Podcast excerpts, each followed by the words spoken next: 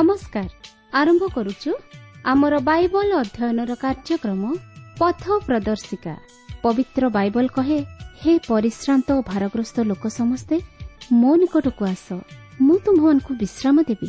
ଆସନ୍ତୁ ସେହି ଜୀବନଦାତାଙ୍କର ପରିଚୟ ପାଇ ଜୀବନରେ ବାସ୍ତବ ଶାନ୍ତି ଓ ମୁକ୍ତି ପାଇବା ନିମନ୍ତେ ଶୁଣିବା ବେତାର କାର୍ଯ୍ୟକ୍ରମ ପଥ ପ୍ରଦର୍ଶିକା।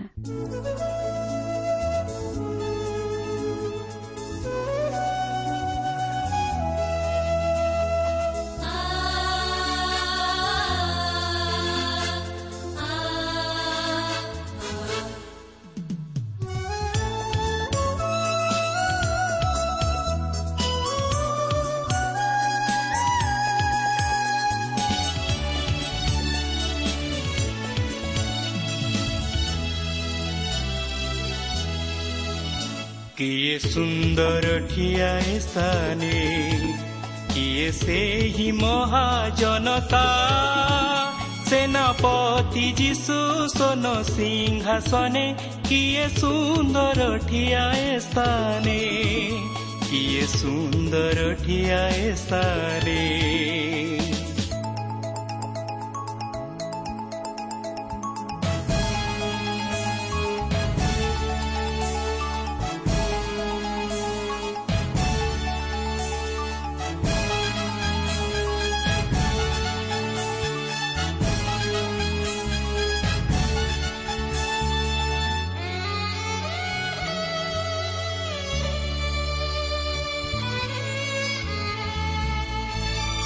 ସ୍ଥାନେ ତୋଡ଼ାଏ ହେଉ ତିତୋଡ଼ା ହେଉ ପାଞ୍ଚ ହେଉ ଯାହା କାମେ ଲଗଇ ଛୋଟ ହେଉ ବା ବଡ଼ ହେଉ କାମ ଯେ ପାଏ ପୁରା କରେ କିଏ ସୁନ୍ଦର ଠିଆଏ ସ୍ଥାନେ କିଏ ସେହି ମହାଜନତା ସେନାପତି ଯୀଶୁ ସୋନ ସିଂହାସନେ କିଏ ସୁନ୍ଦର ଠିଆଏ ସ୍ଥାନେ କିଏ ସୁନ୍ଦର ଠିଆଏ ସ୍ଥାନେ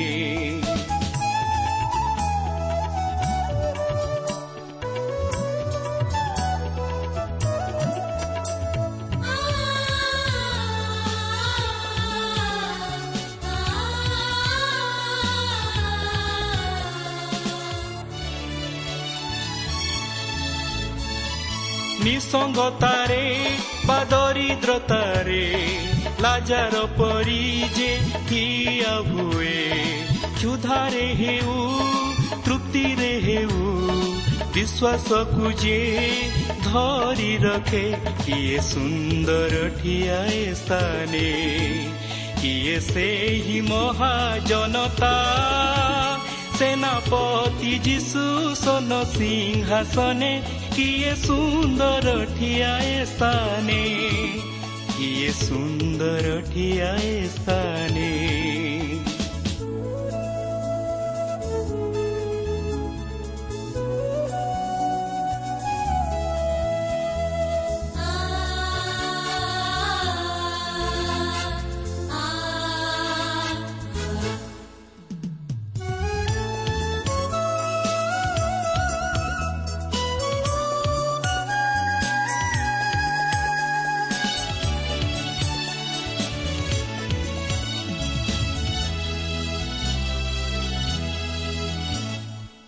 କେବଳ ଏକ। ମୋର ଲାଳସା ସେହି ସୁନ୍ଦର ସ୍ଥାନେ ଠିଆ ହେବା। ମୁଁ ବି ଦିନେ ଠିଆ ହୋଇବି। ପ୍ରିୟ ଯୀଶୁ ମୋତେ ନିଅ। କିଏ ସୁନ୍ଦର ଠିଆଏ ସ୍ଥାନେ କିଏ ସେହି ମହାଜନତା।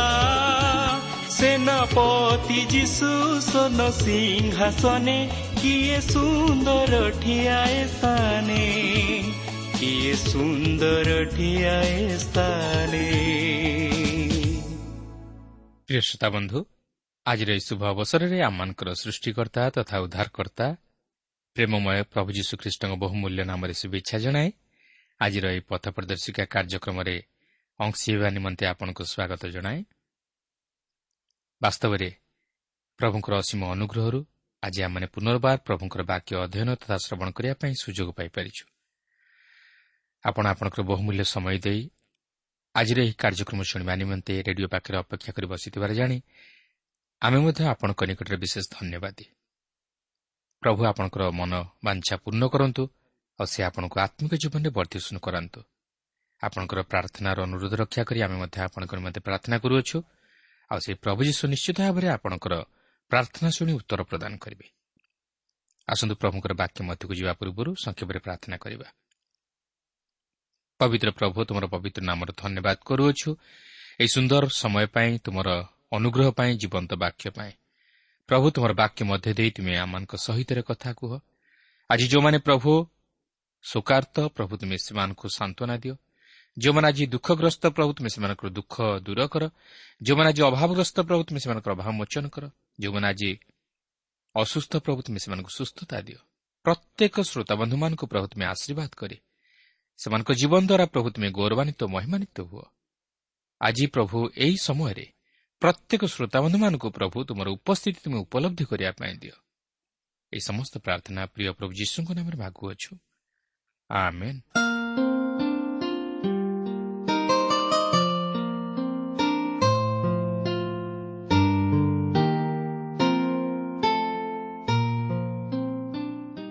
ଆସନ୍ତୁ।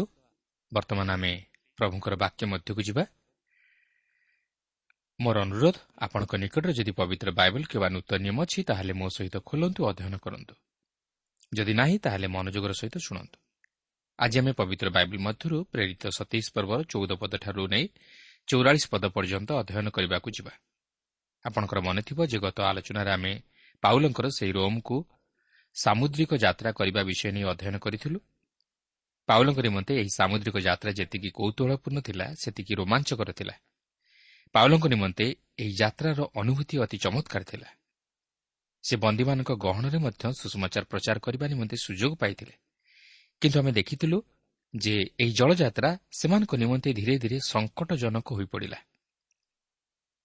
ମାତ୍ର ପାଉଲ ତହିଁରେ ବିଚଳିତ ହୋଇନଥିଲେ ଓ ସେ ଏହି ବିପଦରୁ ଅନ୍ୟମାନଙ୍କୁ ଉଦ୍ଧାର ପାଇବା ନିମନ୍ତେ ମଧ୍ୟ ପଥ ଦେଖାଇଥିଲେ। ଓ ଆଗକୁ ଯେ ବିପଦ ଅଛି ତାହା ଜଣାଇ ଦେଇଥିଲେ। କିନ୍ତୁ ସତସେନାପତି ପାଉଲଙ୍କ କଥା ଅପେକ୍ଷା ଜାହାଜର ଚାଳକ ଓ ଅଧିକାରୀଙ୍କ କଥାରେ ଅଧିକ ମନୋଯୋଗ କଲେ। କିନ୍ତୁ ଯଦିଓ ସେମାନେ ପାଉଲଙ୍କ ଉପଦେଶ ଅନୁଯାୟୀ କାର୍ଯ୍ୟ ନ କରି ଯାତ୍ରା କରିବାକୁ ଆରମ୍ଭ କଲେ ମାତ୍ର ପାଉଲଙ୍କ କହିବା ଅନୁଯାୟୀ ସେମାନେ ଆଗକୁ ବିପଦର ସମ୍ମୁଖୀନ ହେଲେ। ଆସନ୍ତୁ ଆଗକୁ କ'ଣ ଘଟିଲା ଆମେ ବର୍ତ୍ତମାନ ତାହା ଅଧ୍ୟୟନ କରି ଆଲୋଚନା କରିବା ନିମନ୍ତେ ଯିବା। ଦେଖନ୍ତୁ ସେମାନେ ଏକ ଭୟଙ୍କର ଝଡ଼ର ସମ୍ମୁଖୀନ ହେବାକୁ ଯାଉଅଛନ୍ତି। ସତେଇଶ ପର୍ବର ଚଉଦ ପଦରେ ଏହିପରି ଲେଖା ଅଛି କିନ୍ତୁ ଅଳ୍ପ ସମୟ ଉତ୍ତାରେ ଯାହାକୁ ୟୁରୋକ୍ୟୁଲୋ ବୋଲି କହନ୍ତି ସେହି ପ୍ରଚଣ୍ଡ ପବନ କୂଳରୁ ବହି ଆଘାତ କରିବାକୁ ଲାଗିଲା। ତେବେ ଏହି ୟୁରୋକ୍ୟୁଲୋ କ'ଣ? ଏହା ଏକ ପ୍ରକାର ପ୍ରଚଣ୍ଡ ପବନ ଯାହାକି ଉତ୍ତର ଦିଗରୁ ଆସେ ଓ ଏହାକୁ ଉତ୍ତରା ପବନ ବୋଲି ମଧ୍ୟ କୁହାଯାଇପାରେ। ଅନ୍ୟ ଅର୍ଥରେ କହିବାକୁ ଗଲେ ସେହି ପ୍ରଚଣ୍ଡ ପବନର ଝଡ଼ ୟୁରୋପ ଅଞ୍ଚଳରୁ ପ୍ରବାହିତ ହୋଇଥିଲା। ଏହା ମଧ୍ୟ ଶୀତ ଋତୁର ସମୟ ଥିଲା ଏବଂ ଝଡ଼ ଋତୁର ସମୟ ଥିଲା। ଏହା ଏକ ଭୟଙ୍କର ତୋଫାନ ଥିଲା ଓ ଏହି ତୋଫାନରେ ପାଉଲ ଏବଂ ଯେଉଁମାନେ ସେହି ଜାହାଜ ମଧ୍ୟରେ ଥିଲେ ସେମାନେ ସମସ୍ତେ କ୍ଷତିଗ୍ରସ୍ତ ହୋଇଥିଲେ ଓ ଆଘାତପ୍ରାପ୍ତ ହୋଇଥିଲେ। କିନ୍ତୁ ଏଠାରେ ମୁଁ ଏକ ବିଷୟ ଉପରେ ଆପଣଙ୍କର ଦୃଷ୍ଟି ଆକର୍ଷଣ କରିବା ପାଇଁ ଚାହେଁ ଯାହାକି ଅତି କୌତୁହଳପୂର୍ଣ୍ଣ। ଦେଖନ୍ତୁ ପାଉଲ ଯେତେବେଳେ ଏଫିସରେ ଥିଲେ ଯେଉଁ ସମୟ କି ସୁଷମାଚାର ପ୍ରଚାର ନିମନ୍ତେ ଏକ ସୁବର୍ଣ୍ଣ ସମୟ ଥିଲା ସେହି ସମୟରେ ପାଉଲ ରୋମ୍କୁ ଯିବା ନିମନ୍ତେ ବିଶେଷ ଆଗ୍ରହୀ ଥିଲେ। ଏହା ତାହାଙ୍କ ହୃଦୟର ଏକ ମହାନ ଅଭିଳାଷ ଥିଲା ଯାହାକି ଆମେ ପ୍ରେରିତ ଉଣେଇଶ ପର୍ବର ଏକୋଇଶ ପଦରେ ଲକ୍ଷ୍ୟ କରିବାକୁ ପାରୁ। ଦେଖନ୍ତୁ ସେଠାରେ ଲେଖା ଅଛି ଏହି ସମସ୍ତ ବିଷୟ ଶେଷ ହେଲା ଉତ୍ତାରେ ପାଉଲ ମାକିଦୋନିଆ ଓ ଆଖାୟା ଦେଇ ଜିରୁସାଲମକୁ ଯିବାକୁ ମନରେ ସ୍ଥିର କରି କହିଲେ ସେଠାକୁ ଗଲା ଉତ୍ତାରେ ମୋତେ ରୋମ୍କୁ ମଧ୍ୟ ଯିବାକୁ ହେବ। କିନ୍ତୁ ଘଟଣା ହେଉଛି ସେହି ଜିରୁସାଲମରେ ପାଉଲଙ୍କ ଜୀବନ ପ୍ରତି ଘୋର ଅନ୍ଧକାର ମାଡ଼ି ଆସିଲା। ଏହା ଏହିପରି ଦେଖାଯାଉଥିଲା ସତେ ଯେପରି ସେ ଆଉ ରୋମ୍ ଦେଖିପାରିବେ ନାହିଁ।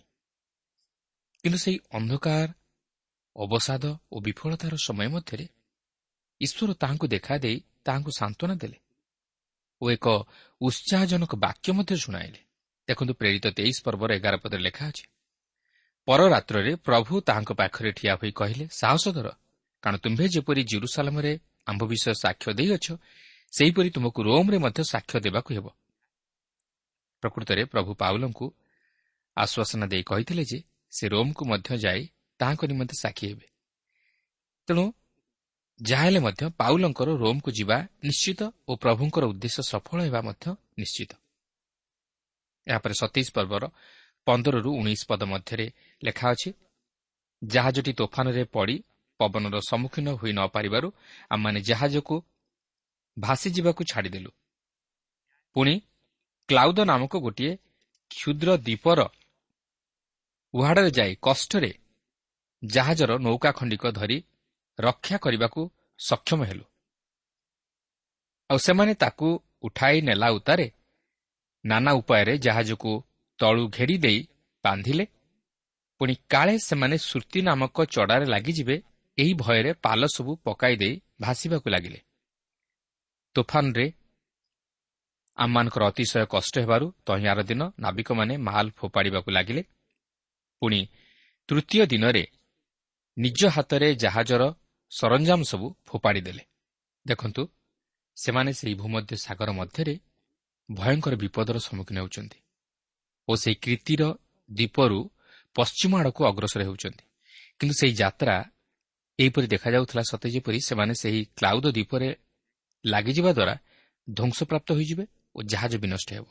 ତେଣୁକରି ସେମାନେ ପବନରେ ଜାହାଜଟିକୁ ଭାସିଯିବା ନିମନ୍ତେ ଛାଡ଼ିଦେଲେ। ଏପରିକି ସେମାନେ ଜାହାଜକୁ ହାଲୁକା କରିବା ନିମନ୍ତେ ଜାହାଜର ମାଲପତ୍ର ଓ ସରଞ୍ଜାମ ସବୁ ଫୋପାଡ଼ିଦେଲେ।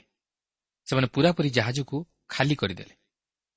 ଏହାପରେ କୋଡ଼ିଏ ପଦରେ ଲେଖା ଅଛି ଅନେକ ଦିନ ପର୍ଯ୍ୟନ୍ତ ସୂର୍ଯ୍ୟ କି ନକ୍ଷତ୍ର ଦେଖା ନ ଯିବାରୁ ପୁଣି ଭୀଷଣ ଝଡ଼ ଲାଗି ରହିବାରୁ ଶେଷରେ ଆମମାନଙ୍କ ରକ୍ଷା ପାଇବାର ସମସ୍ତ ଆଶା ଦୂର ହେଲା। ଲୋକ ଉଲ୍ଲେଖ କରନ୍ତି ଯେ ସେମାନେ ରକ୍ଷା ପାଇବାର ସମସ୍ତ ଆଶା ହରାଇ ବସିଥିଲେ। ଏହାର ଅର୍ଥ ଲୋକ କହିବାକୁ ଚାହାନ୍ତି ଯେ ଏହି ଝଡ଼ ଏକ ଭୟଙ୍କର ଝଡ଼ ଥିଲା ଯେଉଁଥିରୁ କି ସେମାନଙ୍କର ରକ୍ଷା ପାଇବାର ଉପାୟ ନଥିଲା। ସେମାନେ ଯେ ଏଥିରୁ ବଞ୍ଚିକି ଫେରିବେ ଏହା ମଧ୍ୟ ସେମାନେ ଆଶା କରିନଥିଲେ। କିନ୍ତୁ ଏହି ପ୍ରକାର ଏକ ଝଡ଼ମୟ ତଥା ଭୟଙ୍କର ପରିସ୍ଥିତିରେ ପ୍ରଭୁ ପାଉଲଙ୍କ ମୁଖ ଦେଇ କଥା କହିଥିଲେ। ତେବେ ଚଉଦ ଦିନ ଧରି ସେମାନେ ସେହି ଝଡ଼ ଓ ତରଙ୍ଗର ଧକ୍କା ଖାଇବା ପରେ ସେମାନେ ଜୀବିତ ରହିବେ ବୋଲି ମଧ୍ୟ ଭାବିପାରିନଥିଲେ କିନ୍ତୁ ସେ ଯାଉନା କାହିଁକି ପ୍ରଭୁ ପାଉଲଙ୍କୁ ଦେଖାଦେଇ ଓ ତାହାଙ୍କୁ ସାନ୍ତ୍ୱନା ଦେଇ କହିଲେ ପାଉଲ ତୁମେ ରୋମ୍କୁ ନିଶ୍ଚୟ ଯିବ ଓ ସେଠାରେ ସାକ୍ଷୀ ହେବ। ତେଣୁ ଏହି ଆଶ୍ୱାସନା ପାଇବା ଦ୍ୱାରା ପାଉଲ ଅନ୍ୟମାନଙ୍କ ଅପେକ୍ଷା ଅଧିକ ସାହସର ସହିତ ଛିଡ଼ା ହୋଇପାରିଥିଲେ ଓ ତାହାଙ୍କର ମନୋବଳ ଅତି ଦୃଢ଼ ଥିଲା ଓ ସେ ବିଶ୍ୱାସରେ ସ୍ଥିର ଥିଲେ। ସେହି ସାମୁଦ୍ରିକ ଝଡ଼ ଓ ତରଙ୍ଗ ସବୁ ତାହାଙ୍କୁ ଭୟ ଦେଖାଇ ପାରିନଥିଲା ଓ ସେ ବିଶ୍ୱାସରେ ବଳିଷ୍ଠ ଥିଲେ।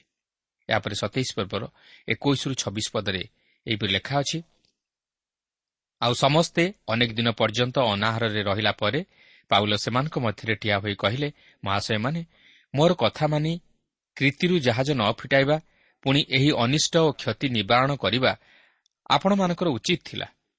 ଯାହା ହେଉ ଏବେ ମୁଁ ଆପଣମାନଙ୍କୁ କହୁଅଛି ସାହସ ଧରନ୍ତୁ କାରଣ ଆପଣମାନଙ୍କ ମଧ୍ୟରେ କାହାର ପ୍ରାଣନାଶ ହେବ ନାହିଁ କେବଳ ଜାହାଜ ନଷ୍ଟ ହେବ।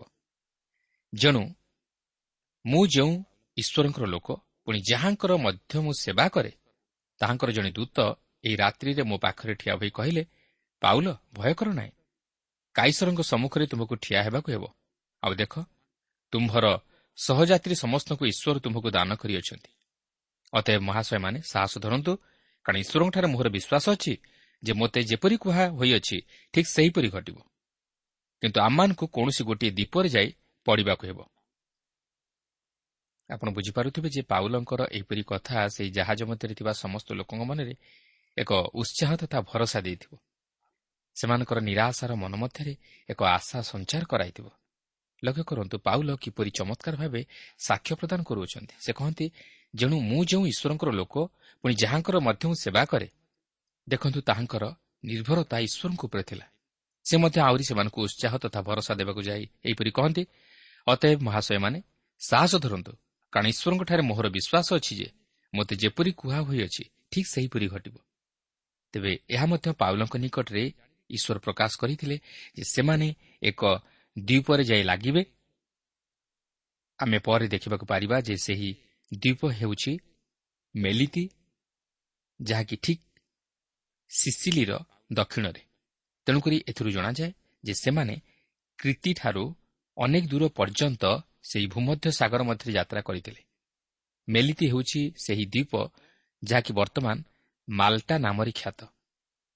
ସତେଇଶ ପଦରେ ଲେଖା ଅଛି ଏହି ରୂପେ ଆମମାନେ ଆଦ୍ରିଆ ସମୁଦ୍ରରେ ଇତସ୍ତତ ଚାଳିତ ହେଉ ହେଉ ଯେତେବେଳେ ଚତୁର୍ଦ୍ଦଶ ରାତ୍ରି ଉପସ୍ଥିତ ହେଲା ସେତେବେଳେ ପ୍ରାୟ ଅର୍ଦ୍ଧରାତ୍ର ସମୟରେ ନାବିକମାନେ କୌଣସି ସ୍ଥଳର ନିକଟବର୍ତ୍ତୀ ହେଉଛନ୍ତି ବୋଲି ଅନୁମାନ କଲେ। ତେବେ ଏହି ଆଦ୍ରିଆ ସମୁଦ୍ର ଇଟାଲୀ ଓ ମାକିଦୋନିଆ କିମ୍ବା ଗ୍ରୀସ୍ ମଧ୍ୟରେ ଅବସ୍ଥିତ।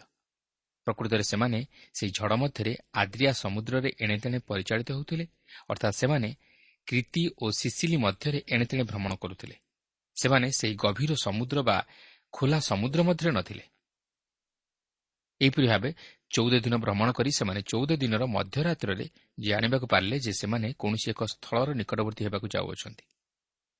ଅଠେଇଶ ଓ ଅଣତିରିଶ ପଦରେ ଲେଖା ଅଛି ଏଣୁ ସେମାନେ ମାପ କରି କୋଡ଼ିଏ ବେଁ ପାଣି ପାଇଲେ। ପୁଣି ଟିକିଏ ଆଗକୁ ଯାଇ ଆଉ ଥରେ ମାପ କରି ପନ୍ଦର ବେଁ ପାଣି ପାଇଲେ। କାଳେ ଆମମାନେ କୌଣସି ପଥୁରିଆ ଭୂଇଁରେ ଯାଇ ପଡ଼ୁ ଏହି ଭୟରେ ସେମାନେ ପଛ ଭାଗରୁ ଚାରିଟା ଲଙ୍ଗର ପକାଇ ଦେଇ ଦିନ ଅପେକ୍ଷାରେ ରହିଲେ। ଯାହା ଜଣାଯାଏ ସେମାନେ ସ୍ଥଳଭାଗର ନିକଟବର୍ତ୍ତୀ ଥିଲେ ଓ ଜଳର ଗଭୀରତା ମଧ୍ୟ କମି ଆସୁଥିଲା। ତେଣୁକରି ସେମାନେ ଯେପରି ପଥୁରିଆ ଭୂଇଁରେ ଯାଇ ନ ପଡ଼ନ୍ତି ଏଥିନିମନ୍ତେ ଚାରିଟା ଲଙ୍ଗର ପକାଇ ଦିନ ଅପେକ୍ଷାରେ ରହିଲେ। ପାଉଲଙ୍କର କହିବା ଅନୁଯାୟୀ ସେମାନେ ସେହି ବିପଦରୁ ଉଦ୍ଧାର ପାଇବାକୁ ଯାଉଅଛନ୍ତି। ତିରିଶ ଓ ଏକତିରିଶ ପଦରେ ଲେଖା ଅଛି ପୁଣି ନାବିକମାନେ ଜାହାଜର ସମ୍ମୁଖ ଭାଗରୁ ଲଙ୍ଗର ପକାଇବା ଛଳରେ ନୌକା ଖଣ୍ଡିକ ସମୁଦ୍ରକୁ ଓହ୍ଲାଇ ଦେଇ ଜାହାଜରୁ ପଳାଇଯିବା ନିମନ୍ତେ ଚେଷ୍ଟା କରନ୍ତେ ପାଉଲ ସତସେନାପତି ଓ ସୈନ୍ୟମାନଙ୍କୁ କହିଲେ ଏମାନେ ଜାହାଜରେ ନ ରହିଲେ ଆପଣମାନେ ରକ୍ଷା ପାଇପାରିବେ ନାହିଁ। ଦେଖନ୍ତୁ ପ୍ରଭୁ ପାଉଲଙ୍କୁ ଏପରି ପରିସ୍ଥିତିରେ କିପରି ଆଶ୍ଚର୍ଯ୍ୟ ଭାବରେ ବ୍ୟବହାର କରୁଅଛନ୍ତି। ସେ ପାଉଲଙ୍କ ମୁଖ ଦେଇ ବୁଦ୍ଧିର କଥା ପ୍ରକାଶ କରୁଅଛନ୍ତି। ନାବିକମାନେ ଯଦିଓ ବାହାରି ପଳାଇଯିବା ନିମନ୍ତେ ଚାହୁଁଥିଲେ ମାତ୍ର ପ୍ରଭୁ ପାଉଲଙ୍କୁ ତାହା ଜଣାଇ ପାଉଲଙ୍କ ମୁଖ ଦ୍ୱାରା ଜାହାଜରେ ଥିବା ଅନ୍ୟ ଲୋକମାନଙ୍କୁ ସତର୍କ କରାଇଦେଲେ ଓ ସେ ନାବିକମାନେ ଜାହାଜରେ ନ ରହିଲେ ଅନ୍ୟମାନେ ଯେ ରକ୍ଷା ପାଇପାରିବେ ନାହିଁ ତାହା ମଧ୍ୟ ଜଣାଇଦେଲେ। କେବଳ ଗୋଟିଏ ମାତ୍ର ରକ୍ଷା ପାଇବାର ଆଶ୍ୱାସନା ଥିଲା ସେହି ଜାହାଜ। ପାଉଲ କହନ୍ତି ଯଦି ତୁମେମାନେ ଜାହାଜରେ ରହିବ ତାହେଲେ ରକ୍ଷା ପାଇବ। କାରଣ ପାଉଲ ଈଶ୍ୱରଙ୍କ ଉପରେ ନିର୍ଭର ରଖିଥିଲେ। କାରଣ ସେ ଈଶ୍ୱରଙ୍କ ବାକ୍ୟ ଉପରେ ଭରସା କରିଥିଲେ। ଈଶ୍ୱରଙ୍କ ଦୂତ ପାଉଲଙ୍କୁ କହିଥିଲେ ଯେ ସେ ଓ ଜାହାଜର ଲୋକମାନେ ରକ୍ଷା ପାଇବେ। କିନ୍ତୁ ସେମାନେ ସେମାନଙ୍କ ଇଚ୍ଛାରେ ଯାଇ ରକ୍ଷା ପାଇପାରିବେ ନାହିଁ। ମାତ୍ର ସେମାନେ ଈଶ୍ୱରଙ୍କ ଇଚ୍ଛା ଅନୁଯାୟୀ ତାହାଙ୍କ ରାସ୍ତାରେ ଗଲେ ଉଦ୍ଧାର ପାଇବେ। ଈଶ୍ୱରଙ୍କ ରାସ୍ତା ସେମାନଙ୍କ ନିମନ୍ତେ ଥିଲା ଯେପରି ସେମାନେ ଜାହାଜ ମଧ୍ୟରେ ରୁହନ୍ତୁ। କିନ୍ତୁ ସେମାନେ ଉଦ୍ଧାର ପାଇବା ନିମନ୍ତେ ଈଶ୍ୱରଙ୍କ ଉପରେ ବିଶ୍ୱାସ କରିବା ବା ନ କରିବା କିମ୍ବା ନିଜର ସିଦ୍ଧାନ୍ତ ଅନୁଯାୟୀ ଚାଲିବା ଏକ ପ୍ରଶ୍ନବାଚୀ ଥିଲା ପାଉଲ ସେମାନଙ୍କୁ କହିଥିଲେ ଯେ ସେ ଈଶ୍ୱରଙ୍କଠାରେ ବିଶ୍ୱାସ କରନ୍ତି ଓ ସେ କହନ୍ତି ଯେ ଯଦି ତୁମେମାନେ ଉଦ୍ଧାର ପାଇବାକୁ ଚାହଁ ତାହେଲେ ତୁମେମାନେ ସମସ୍ତେ ଏହି ଜାହାଜ ମଧ୍ୟରେ ରୁହ। ବତିଶ ପଦରେ ଲେଖା ଅଛି। ସେଥିରେ ସୈନ୍ୟମାନେ ନୌକାର ଦୌଡ଼ି ସବୁ କାଟିଦେଇ ତାକୁ ଜଳରେ ପକାଇଦେଲେ ପାଉଲ ସତସେନାପତିଙ୍କୁ ସମସ୍ତ ବିଷୟ ଜଣାଇଦେଲେ ଓ ସେହି ସତସେନାପତି ମଧ୍ୟ ପାଉଲଙ୍କର କଥାକୁ ବିଶ୍ୱାସ କରି ତଦନୁଯାୟୀ କାର୍ଯ୍ୟ କଲେ।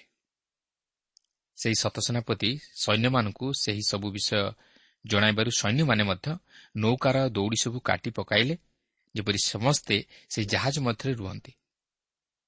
ଏହାପରେ ସତେଇଶ ପର୍ବର ତେତିଶ ଓ ଚଉତିରିଶ ପଦରେ ଲେଖା ଅଛି ଆଉ ଦିନ ହୋଇ ଆସୁଥିବା ପର୍ଯ୍ୟନ୍ତ ପାଉଲ ସେମାନଙ୍କୁ କିଛି ଭୋଜନ କରିବା ନିମନ୍ତେ ଉତ୍ସାହ ଦେଇ କହିଲେ ଆଜି କି ଚଉଦ ଦିନ ହେଲା ଆପଣମାନେ ଅପେକ୍ଷାରେ ଥାଇ କିଛି ଭୋଜନ ନ କରି ଅନାହାରରେ ରହିଅଛନ୍ତି। ଏଣୁ କିଛି ଭୋଜନ କରିବା ନିମନ୍ତେ ମୁଁ ଆପଣମାନଙ୍କୁ ପରାମର୍ଶ ଦେଉଅଛି କାରଣ ତାହା ଆପଣମାନଙ୍କ ରକ୍ଷା ନିମନ୍ତେ ପ୍ରୟୋଜନ। ଯେଣୁ ଆପଣମାନଙ୍କର କାହାରି ମସ୍ତକର ଗୋଟିଏ କେଶ ନଷ୍ଟ ହେବ ନାହିଁ। ଦେଖନ୍ତୁ ପାଉଲଙ୍କର ଈଶ୍ୱରଙ୍କ ଉପରେ କେତେ ଦୂର ଦୃଢ଼ ବିଶ୍ୱାସ ଥିଲା। ସେ ଅନ୍ୟମାନଙ୍କୁ ଆଶ୍ୱାସନା ଦେଇ କହନ୍ତି ଯେ ସେମାନଙ୍କର ମସ୍ତକର ଗୋଟିଏ କେଶ ମଧ୍ୟ ନଷ୍ଟ ହେବ ନାହିଁ। ଆପଣ ଜାଣିଥିବେ ଯେ ଚଉଦ ଦିନ ଧରି ଖାଦ୍ୟ ନ ଖାଇବା ଦ୍ୱାରା ଜଣେ ଶକ୍ତିଶାଳୀ ଯୋଦ୍ଧା ମଧ୍ୟ ଦୁର୍ବଳ ହୋଇଯାଇପାରେ। ତେଣୁକରି ପାଉଲ ସେମାନଙ୍କୁ ଭୋଜନ କରିବାକୁ କହନ୍ତି। ପ୍ରକୃତରେ ସେମାନେ ସମସ୍ତେ ଉପବାସ କରିଥିଲେ। ବିଜାତୀୟମାନେ ମୃତ୍ୟୁକୁ ଭୟ କରି ଉପବାସ କରିଥିଲେ। ମାତ୍ର ପାଉଲ ଓ ଖ୍ରୀଷ୍ଟ ବିଶ୍ୱାସୀମାନେ ଉପବାସ କରିଥାଇପାରନ୍ତି ଯେହେତୁ ସେମାନେ ଈଶ୍ୱରଙ୍କ ନିମନ୍ତେ ତାହା କରୁଥିଲେ। ବର୍ତ୍ତମାନ ସେମାନେ ସମସ୍ତେ ସ୍ଥଳର ନିକଟବର୍ତ୍ତୀ ହୋଇଅଛନ୍ତି ଓ ସେମାନେ ସେହି ଜାହାଜକୁ କୂଳକୁ ଆଣିବା ନିମନ୍ତେ ଶକ୍ତି ମଧ୍ୟ ଆବଶ୍ୟକ କରନ୍ତି। ତେଣୁକରି ପାଉଲ ସେମାନଙ୍କୁ ଏହି ସମସ୍ତ ବିଷୟ ଜଣାଇ ଦେଉଛନ୍ତି ଯେପରି ସେମାନେ ତାହାଙ୍କ କଥା ଅନୁଯାୟୀ କାର୍ଯ୍ୟ କରିବା ଦ୍ୱାରା ରକ୍ଷାପ୍ରାପ୍ତ ହୁଅନ୍ତି। ପାଉଲ ଏଠାରେ ମଧ୍ୟ ନିଜର ସାଧାରଣ ଉପସ୍ଥିତି ବୁଦ୍ଧି ପ୍ରୟୋଗ କରନ୍ତି। ଅନେକ ସମୟରେ ଖ୍ରୀଷ୍ଟ ବିଶ୍ୱାସୀମାନେ କେବଳ ଖ୍ରୀଷ୍ଟଙ୍କ ଉପରେ ବିଶ୍ୱାସ କରନ୍ତି। ମାତ୍ର ନିଜର ଉପସ୍ଥିତି ବୁଦ୍ଧି ଖଟାଇ କାର୍ଯ୍ୟ କରନ୍ତି ନାହିଁ। ଫଳତଃ ସେମାନେ ସମସ୍ୟାର ସମ୍ମୁଖୀନ ହୁଅନ୍ତି। କିନ୍ତୁ ପାଉଲ ଅତି ଉତ୍ତମ ବିଷୟ ସାଧନ କରିବା ନିମନ୍ତେ ନିଜର ଉପସ୍ଥିତି ବୁଦ୍ଧି ପ୍ରୟୋଗ କରି ସେମାନଙ୍କୁ ରକ୍ଷା କରିଥିଲେ। ସତେଇଶ ପର୍ବର ପଞ୍ଚତିରିଶ ପଦରେ ଲେଖା ଅଛି ସେ ଏହିସବୁ କଥା କହି ରୋଟି ଘେନି ସମସ୍ତଙ୍କ ସାକ୍ଷାତରେ ଈଶ୍ୱରଙ୍କୁ ଧନ୍ୟବାଦ ଦେଇ ତାହା ଭାଙ୍ଗି ଭୋଜନ କରିବାକୁ ଲାଗିଲେ। ଏଠାରେ ପାଉଲ ସମସ୍ତଙ୍କ ସାକ୍ଷାତରେ ରୋଟି ଘେନି ପ୍ରଭୁଙ୍କୁ ଧନ୍ୟବାଦ ଦେଉଛନ୍ତି ଓ ସମସ୍ତେ ଭୋଜନ କରୁଛନ୍ତି। ଏହା ପାଉଲଙ୍କର ଆଉ ଏକ ଚମତ୍କାର ସାକ୍ଷ୍ୟ। ସେ ଈଶ୍ୱରଙ୍କୁ ଧନ୍ୟବାଦ ଦେଉଛନ୍ତି। ପ୍ରିୟ ବନ୍ଧୁ ଆମେ ପ୍ରତ୍ୟେକ ପରିସ୍ଥିତିରେ ଈଶ୍ୱରଙ୍କୁ ଧନ୍ୟବାଦ ଦେବା ଆବଶ୍ୟକ। ଏହି ଯାତ୍ରା ପାଉଲଙ୍କ ନିମନ୍ତେ ଥିଲା ଏକ ସଫଳତାର ଯାତ୍ରା। ହୁଏତ ଆପଣ ଏଥିରେ ଏକମତ କି ନା ତାହା ମୁଁ ଜାଣେ ନା। ମାତ୍ର ମୁଁ ଏତିକି ଜାଣେ ପାଉଲ ଈଶ୍ୱରଙ୍କର ଇଚ୍ଛା ଅନୁଯାୟୀ ରୋମ୍କୁ ଯାତ୍ରା କଲେ। ଓ ଈଶ୍ୱରଙ୍କର ମହତ ଉଦ୍ଦେଶ୍ୟ ମଧ୍ୟ ପାଉଲଙ୍କ ଜୀବନରେ ସଫଳ ହେବାକୁ ଯାଉଥିଲା। ଆପଣ ବୋଧହୁଏ ପ୍ରଶ୍ନ କରିପାରନ୍ତି ତାହେଲେ ପାଉଲ କାହିଁକି ସମସ୍ୟାର ସମ୍ମୁଖୀନ ହେଲେ? ଆପଣଙ୍କର ମନେଥିବ ଯେ ସୁଷମାଚାର ମଧ୍ୟରେ ଆମେ ଦେଖିଥିଲୁ ପ୍ରଭୁ ଯୀଶୁ ଥରେ ରାତ୍ରିରେ ତାହାଙ୍କର ଶିଷ୍ୟମାନଙ୍କୁ ନୌକାରେ ପାରି ହୋଇ ଗାଲିଲି ସମୁଦ୍ରର ଆରପାରିକି ଯିବାକୁ କହିଲେ ଓ ସେମାନେ ଯାଉଥିବା ସମୟରେ ଝଡ଼ ଆସିଲା। କିନ୍ତୁ ଯୀଶୁ ସେମାନଙ୍କ ସହିତ ନଥିଲେ। ମାତ୍ର ସେ ଜାଣିଥିଲେ ଯେ ସେମାନେ ସେହି ଝଡ଼ର ସମ୍ମୁଖୀନ ହେବାକୁ ଯାଉଅଛନ୍ତି। କିନ୍ତୁ ସେ ଜାଣି ଜାଣି ସେମାନଙ୍କୁ ସେହି ଝଡ଼ ମଧ୍ୟକୁ ପଠାଇଲେ। ଯେହେତୁ ସେ ନିଜେ ଈଶ୍ୱର ଥିଲେ ସେ ସେହି ଝଡ଼ ବିଷୟରେ ଜାଣିଥିଲେ। ଆଉ ସେଥିପାଇଁ କ'ଣ କରିବାକୁ ହେବ ତାହା ମଧ୍ୟ ସେ ଜାଣିଥିଲେ। ମୁଁ ମଧ୍ୟ ବିଶ୍ୱାସ କରେ ଯେ ପ୍ରଭୁ ଆମମାନଙ୍କୁ ଜାଣି ଜାଣି ଅନେକ ପ୍ରକାର ଝଡ଼ଝଞ୍ଜା ମଧ୍ୟ ଦେଇ ଗତି କରିବାକୁ ଦେଇଥାନ୍ତି। ଯେପରି ଆମମାନେ ତାହାଙ୍କଠାରେ ବିଶ୍ୱାସରେ ବଳିଷ୍ଠ ହେଉ। ଆମେ ତାହାଙ୍କର ଅଭିମତକୁ ବୁଝିବାକୁ ପାରୁ। କିନ୍ତୁ ଆମେ ଜାଣି ରଖିବା ଉଚିତ ଯେ ଆମେ ଯଦିଓ ଝଡ଼ର ସମ୍ମୁଖୀନ ହେଉ ମାତ୍ର ଆମେ ଯଦି ପ୍ରଭୁ ଯୀଶୁଙ୍କଠାରେ ବିଶ୍ୱାସରେ ସ୍ଥିର ରହିବା ଓ ତାହାଙ୍କ ଇଚ୍ଛା ଅନୁଯାୟୀ କାର୍ଯ୍ୟ କରିବା ତାହେଲେ ସେ ଆମମାନଙ୍କୁ ସୁସ୍ଥିରତା ପ୍ରଦାନ କରିବେ। ଖ୍ରୀଷ୍ଟ ବିଶ୍ୱାସୀର ଜୀବନରେ ଯେ ସମସ୍ୟା ଆସିବ ନାହିଁ ବା ଝଡ଼ ଆସିବ ନାହିଁ ଏପରି କହିବା ବା ଭାବିବା ଠିକ୍ ନୁହେଁ। ମାତ୍ର ସମସ୍ୟା ଆସିବ ଝଡ଼ ଆସିବ କିନ୍ତୁ ପ୍ରଭୁ ସୁରକ୍ଷା ପ୍ରଦାନ କରିବେ ଯଦି ଆମେ ତାହାଙ୍କଠାରେ ବିଶ୍ୱାସରେ ସ୍ଥିର ରହୁ। ସେ ସେହି ସମସ୍ୟା ବା ଝଡ଼ ମଧ୍ୟରେ ଆମ ସହିତ ରହିବେ ଓ ଆମକୁ ଉଦ୍ଧାର କରିବେ। ସେ ତାହା ହିଁ ଆମମାନଙ୍କ ଜୀବନରୁ ଚାହାନ୍ତି। ଯେପରି ଆମମାନେ ତାହାଙ୍କର ସେହି ଶକ୍ତିର କାର୍ଯ୍ୟକୁ ନିଜ ଜୀବନରେ ଉପଲବ୍ଧି କରୁ ତାହାଙ୍କର ସେ ମହାନତାକୁ ତାଙ୍କର ସେହି ସୁରକ୍ଷାକୁ ଆମମାନଙ୍କ ନିଜ ଜୀବନରେ ଆମେ ଉପଲବ୍ଧି କରୁ। ତାହା ହିଁ ହେଉଛି ଜଣେ ଖ୍ରୀଷ୍ଟ ବିଶ୍ୱାସୀର ନିମନ୍ତେ ସାନ୍ତ୍ୱନା। ଛତିଶ ଓ ସଇଁତିରିଶ ପଦରେ ଲେଖା ଅଛି ସେଥିରେ ସେମାନେ ସମସ୍ତେ ସାହସ ପ୍ରାପ୍ତ ହୋଇ ନିଜେ ନିଜେ ମଧ୍ୟ ଭୋଜନ କଲେ। ଆମମାନେ ଜାହାଜରେ ସର୍ବସୁଦ୍ଧା ଦୁଇଶହ ଛଅସ୍ତରୀ ଜଣ ପ୍ରାଣୀ ଥିଲୁ। ଦେଖନ୍ତୁ ସେହି ଜାହାଜରେ ଦୁଇଶହ ଛଅସ୍ତରୀ ଜଣ ଲୋକ ଥିଲେ। ଏହାପରେ ଅଠତିରିଶ ପଦରେ ଲେଖା ଅଛି ସେମାନେ ଯଥେଷ୍ଟ ଭୋଜନ କଲା ପରେ ସମୁଦ୍ରରେ ଗହମ ପକାଇ ଦେଇ ଜାହାଜକୁ ହାଲୁକା କରିବାକୁ ଲାଗିଲେ। ସେମାନେ ଏଥିପୂର୍ବରୁ ଜାହାଜର ମାଲପତ୍ର ସବୁ ଫୋପାଡ଼ି ଦେଇଥିଲେ ଓ ବର୍ତ୍ତମାନ ସେମାନେ ସେମାନଙ୍କର ଖାଦ୍ୟ ସାମଗ୍ରୀ ମଧ୍ୟ ଫୋପାଡ଼ି ଦେଉଛନ୍ତି। ଅଣଚାଳିଶରୁ ଚଉରାଳିଶ ପଦ ମଧ୍ୟରେ ଆମେ ଦେଖୁ ଯେ ସେମାନେ ସ୍ଥଳରେ ଯାଇ ପହଞ୍ଚିବା ସେମାନଙ୍କ ନିମନ୍ତେ ଏକ ଆଶ୍ଚର୍ଯ୍ୟର ବିଷୟ ଥିଲା। ଈଶ୍ୱର ତାହାଙ୍କର ଆଶ୍ଚର୍ଯ୍ୟ ଶକ୍ତି ଦ୍ୱାରା ସେମାନଙ୍କୁ ସେହି ମେଲିଦି ଦ୍ୱୀପରେ ପହଞ୍ଚାଇ ଦେଲେ। ଈଶ୍ୱର ତାହାଙ୍କର ପ୍ରତିଜ୍ଞାକୁ ରକ୍ଷା କରି ପାଉଲ ଓ ସେହି ଦୁଇଶହ ଛଅସ୍ତରୀ ଜଣ ଲୋକଙ୍କୁ ନେଇ ନିରାପଦରେ ସ୍ଥଳରେ ପହଞ୍ଚାଇ ଦେଲେ। ବାସ୍ତବରେ ଈଶ୍ୱର ହେଉଛନ୍ତି ପ୍ରତିଜ୍ଞାରେ ବିଶ୍ୱସ୍ତ। ସେ ଯାହା ପ୍ରତିଜ୍ଞା କରିଥାନ୍ତି ତାହା ସଫଳ କରିଥାନ୍ତି। କିନ୍ତୁ ସେ ମଧ୍ୟ ଆମମାନଙ୍କଠାରୁ ବିଶ୍ୱାସ ଧୈର୍ଯ୍ୟ ଓ ସମ୍ପୂର୍ଣ୍ଣ ସମର୍ପିତର ଜୀବନ ଆଶା କରନ୍ତି। ଯଦି ଆମେ ଏହି ଜଗତ ରୂପକ ସାଗରରେ ଖ୍ରୀଷ୍ଟଙ୍କୁ ଆମ ଜୀବନ ରୂପକ ନୌକାରେ ବସାଇବା ତାହେଲେ ସେ ଆମମାନଙ୍କ ସଙ୍ଗରେ ରହି ସମସ୍ତ ଝଡ଼ଝଞ୍ଜା ମଧ୍ୟ ଦେଇ ଆମମାନଙ୍କୁ ଏହି ଭବସାଗରରୁ ପାରି କରାଇ ସେ ଅନନ୍ତ ରାଜ୍ୟ ମଧ୍ୟକୁ କଢ଼ାଇ ନେବେ। ପ୍ରଭା ପ୍ରତ୍ୟେକଙ୍କୁ ଏହି ସଂକ୍ଷିପ୍ତ ଆଲୋଚନା ମଧ୍ୟ ଦେଇ ଆଶୀର୍ବାଦ କରନ୍ତୁ।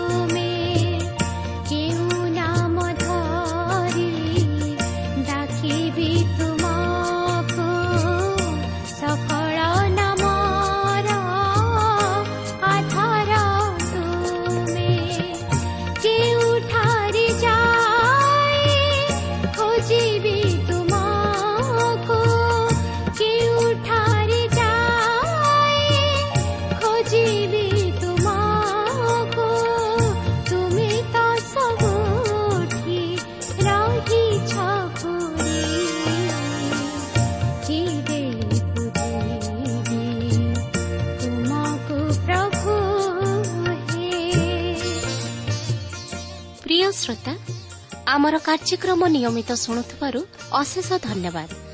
ଆପଣ ଏହି କାର୍ଯ୍ୟକ୍ରମ ଶୁଣିବା ଦ୍ୱାରା ଆତ୍ମିକ ଜୀବନରେ ଉପକୃତ ହୋଇପାରିଥିବେ ବୋଲି ଆମର ବିଶ୍ୱାସ।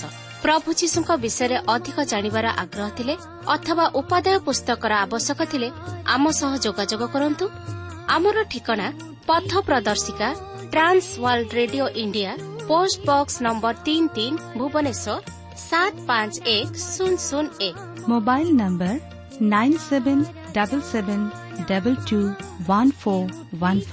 ঠিকনাটি আউথরে শুণন্তু পথ প্রদর্শিকা Trans World Radio India post box number three three Bhubaneswar seven five one zero zero one mobile number nine seven double seven double two one four one five আমার ইমেল আড্রেসটি লিখে রাখুন Odia TV at radio eight eight two dot com ତେବେ ଆଜି ପାଇଁ ବିଦାୟ ଦିଅନ୍ତୁ। ନମସ୍କାର।